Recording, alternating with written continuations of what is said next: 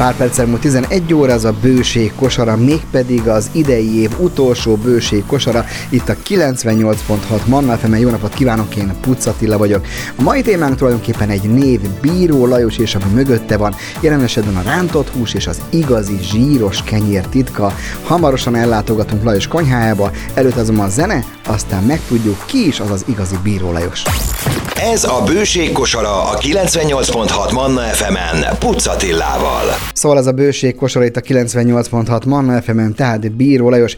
Engedjék meg nekem, hogy azoknak, akik nem tudják, hogy ki ő, felolvasom a 2010-ben megjelent könyvének, ami igazából egy életrajzi és szakácskönyv egyben, ennek a könyvnek a fülszövegét. Íme. Volt egyszer az 50-es évek derekán, valahol békésben az Isten háta mögött egy elkobzott kuláktanya. Egy Bíró Lajos nevű kisfiú vigyázott rá unokatestvéreivel, pedig az már nem imádott nagyapjáé volt, akivel nyaranta libát, birkát őriztek, tökkáposztaleves kanalaztak ott együtt. Vigyázni azért kellett a tanyára, hogy el ne lopják az új gazdától, amit a régi, a két keze munkájával megteremtett rajta. A padláson galambok, a fiúk éhessek. Próbálgatják, mi ehetőt lehet kihozni a húsos madarakból. Előbb csak sóval, vízzel, aztán otthonról titokba lopkodott paprikával, szalonnával. A kisfiúból nagymelényű rátarti pincérsuhanc lesz, aztán szakács. Csak főz, főz, amerre lát, közben dorbézol, lehiggad, megint dorbézol, megint lehiggad. Szája örökké akkora, mint a Bécsi kapu.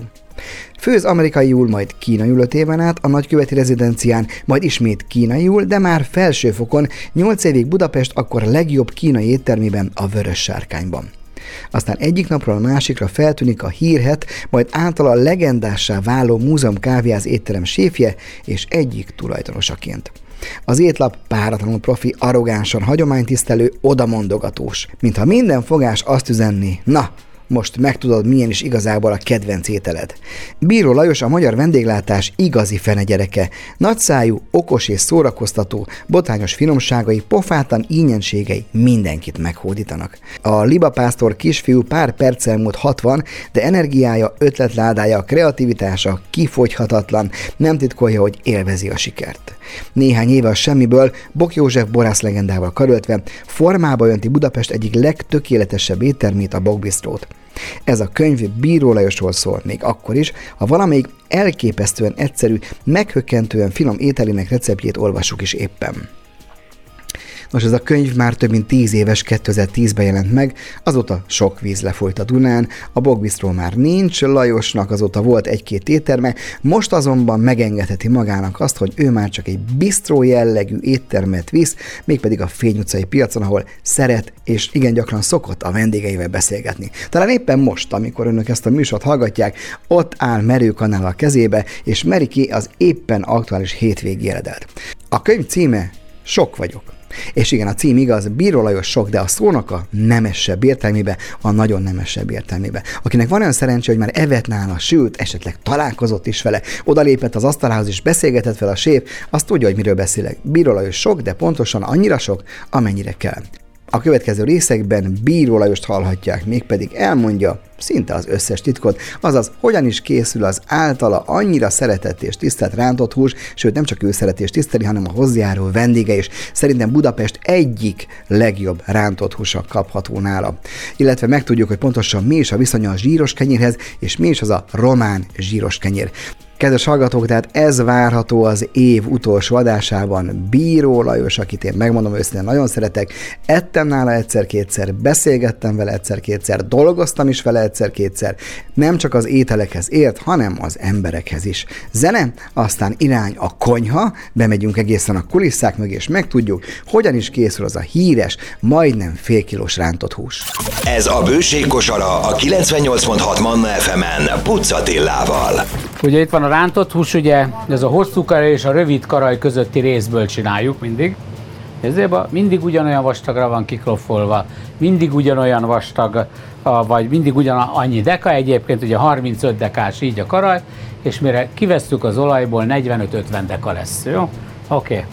Azt mondja, egyszer nincs benne semmi trükk, erre nyomjad, ez az egy kis liszt, jó, oké, okay. utána tojás sárgája, vagy tojás, egész tojás, vagy valami, és a tojásban ugye mi teszünk olajat. Ez így emulgálódik az egész. Ennyi. Így. A morzsa az az egy, ami titkos, ugye? De természetesen mindenki észreveszi ilyenkor, hogy van benne pankó, mert ez egy nagyon fontos dolog ugye a mai világban. Úgyhogy ennyi az egész, és akkor ez megy az olajba vele. Jó, és akkor azt mondja, 195 fokos az, az olaj egyébként, ugye? És utána pedig majd át fogjuk rakni a zsírba. Úgyhogy ez, ez egy repceolaj, amíg jól bírja egyébként az egészet, és ide átrakjuk a zsírba kihúzódni majd egyébként. Ezt itt sütjük, közben Hát ez azért fontos, mert ugye az édesanyám az zsírba sütötte. Ugye utána alakult a dolog, utána a muter, amikor jött divatba az olaj, akkor rakta olajba is, meg zsírba is. Talán. Hogy ezt, ezt én másképp nem tudom leimitálni egyébként, mint úgy, hogy itt van olajban, ez jól bírja a magas hőfokot, utána pedig átrakom zsírba, hogy az az íz jöjjön elő. Nagyon sokan mondják azt egyébként, hogy, hogy ez, ez az az íz, ami nagyon hiányzik nekik, amit otthon ők nem csinálnak meg. Úgyhogy csak nézd meg, akkor eléri ezt a, ezt a szint, gyönyörű, hogy és akkor átrakom ide. Majd amikor innen kivettük, akkor rátesszük ide a roslapra, itt még egy picit pirítjuk, és itt meglocsoljuk vajjal. Ugye ez pedig a németek, amikor a, a palacsinta sütőmet a fandéba sütik, ugye akkor ők vajjal sütik egyébként. Ugye ők minden sütés után kidobják a vajat, és akkor ezt a három részt így bele tudtam variálni az egészbe. Hát az nézem, milyen szépen megpirul egy kicsit. A zsír az milyen zsír, az fontos? A mangalica zsírral sütjük egyébként. De hát az, azért sütjük azért mangalica zsírral, hozzáteszem, nem kell itt most nagyon beájulnunk vagy valami, mert ehhez jutunk a aránylag a, a árérték arányban a legjobb áron egyébként. Sima sertés zsírba is jó. Nincs ezzel semmi probléma, úgyhogy ennyi az egész, és akkor nézzétek meg. Tehát, hogy így néz ki egy ilyen. Oké. Okay. Ez ebbe megy? Jó. A dobozba rakjuk akkor. Ennyit variálunk rajta. Így. Tessék gyerekek. Bocsánat, még teszünk rá akkor. Jó? Gyuri, tegyetek már rá valamit, jó? Jó? Akkor Ugye ennek az az előnye, hogy ide rakom a roslapra, hogy lefolyik róla a zsír, oké, okay? tehát lefolyik a zsír róla, és ugyanakkor kap még kívülről egy plusz pörzsölést. Ennyi. Ez a nagy titok. Ugye a nagy titok ott van az alapanyag minőségébe, és a magának, a technológiának a frissességébe. Tehát ahogy én ezt ráteszem, és leveszem a roslapról, abban a pillanatban megkapja a vendég. És ezzel kész is. Tehát ugye mindig, amit most mondunk, a slow food, ugye, vagy a, a farm to table, a kertből az asztalra, itt van. Tehát van egy jó minőség, frissen előkészítve, frissen megsütve, és nem állít se 5 percet, se 10 percet, azonnal leszi a vendég. Kész. Ez a bőség kosara. Figyelj ide, gyermekkoromban én igazándiból, bocsánat, ez csak így, én igazándiból májkrémes kenyeret ettem, vékony csikokra vágott szalonnával. Nekem ez volt a, a, a, a nagy izé. De zsíros kenyeret is sokat ettem. Úgyhogy jó, jó kenyér, jó zsír. Tehát semmi, semmi különösebb trükkje nincsen neki egyébként. Én most mutatok nektek egy, hát én úgy hívom, hogy román vagy erdélyi izé, de, de ezt nem Erdélyben láttam, hanem egy román területen, ahol sütöttek ilyen látványba zsíros kenyeret, és kérlek szépen, ugye itt fogod, és minden, ami majd itt ki fog folyni, ugye befolyik alá. Vagy valami és kérlek szépen. Ja. Ezt így ide. Gyerekek, hegyes zöld elfogyott? Ha? Hozzájön egy kis sonka is. Ja, táv, ugye mindig az helyzet, hogy az az ízvilág, ami ide kisül, csak ennyit csinálok, hogy így, csak azt is szépen betörlöm. És ez mind bejön ez az íz ide a kenyérbe, és akkor utána sütöm tovább.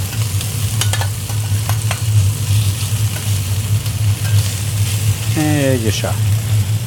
Az ember meg van vezetve. Abban az időben nem foglalkoztak ilyennel, akkor zsír volt egyébként, vagy valami, és aztán utána elkezdett jönni ez divatba az olaj, akkor azt mondták, hogy az olaja jó, majd akkor kikiabálták, hogy a vaj nem jó, akkor a margarin jó, mostanra kiderült, hogy mégis a vaja jó, majd közben kiderült, hogy a zsír is, a zsíra jó egyébként, ugye? Ugye a zsír az azért jó egyébként, ugye, mert bármi furcsa, a vitaminok a zsírban oldódnak. Tehát ugye ez a zsír mindig jó. Most vannak olyan ö, emberek, akik azt mondják, hogy ha reggel egy kis zsírral ki kell bélelni a gyomort, tehát ez kifejezetten jót tesz neki, vagy valami. Hát nézd, az én nagyapám 91 éves korában halt meg, nem jó vizé vagy reklám vagy valami, de végig hűsztörő nélküli cigarettát szívt egy megyfa pipából, minden reggel jogkurtot, tejet vagy teljes kávét evett kérlek szépen, és mindig evett minden nap szinte szalonnát, valami. Soha nem volt beteg a 90 éve alatt, egyszer volt 70 éves korában egy prostata műtétje. Kész, ennyi volt az egész. Mindent lehet egyébként, csak rá kell dolgozni, ugye? Gyerekek, abban az időben minden volt. Nem csak zsíros bödön volt, volt az összesféle zöldség vagy gyümölcs minden valamilyen szinten el volt rakva. Tehát aszalgyümölcsből három-négyféle volt, kérlek szépen, különböző gyümölcslevek, mi úgy hívták, hogy cibere, kérlek szépen a, a paradicsomlétől kezdve, a, a, a paprika el volt téve a paradicsomlébe, hogy tudjanak később mit csinálni vele. Úgyhogy kérlek szépen, na, nagyon izé volt. Minden volt, minden volt. Zsír az természetesen volt. Ugye abban az időben még a cukorrépát, amikor termelték, leadták, akkor kaptak zsákba cukrot, ugye? Tehát mi mindig lógtunk be a kamrába gyerekek, ugye, és amikor szedtük a málnát a kertbe, akkor a nagy pohárba, és akkor, amikor nagymama nem látta, akkor bementünk, televágtuk cukorral, megkavartuk, és úgy ettük. Tehát még a cukor is úgy volt oda téve. Ez a bőség kosara. Manna FM. Itt a zsíros kenyerünk, azt mondja, jó, és ugye, hát itt bizony nem sajnáljuk róla. Haszalonnával együtt, ez adja az ízét. Így. Na ezt hívom én román zsíros kenyérnek. De ugyanezt a zsíros kenyeret meg lehet csinálni, azt mondom, hogy itt van a kenyér, csak simán. Itt az hozzáteszem, ez kacsazsír. Tehát ez kacsazsír kérlek szépen. Így. Gyuri, egy kis sót tolsz ide nekem?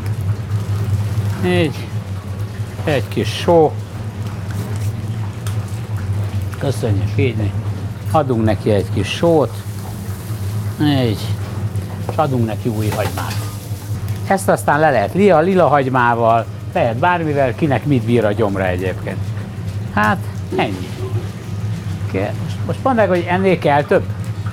De egy érdekes dolog egyébként, a bolonyai maga, a ragú vagy valami, az valamikor mangalisza vagy disznózsírral készült. Tehát nem volt olaj mindig a, a, az olaszoknál sem. Az azzal készült egyébként zsírral, aztán később jött az olaj. Gyerekek, mindig a trend az érdekes, ugye? Én gyerekkoromban azt hallottam, hogy a tej, életerő, egészség. Érte? Majd most mit hallok egy tíz évvel ezelőtt? A tejjel megmérgezem magam majd. Eltelik megint tíz év, és most azt hiszem, hogy mégiscsak jó a tej. Érted? Tehát szóval mindig azt mondom, hogy a, attól függ, hogy a világban milyen lobby működik igazán.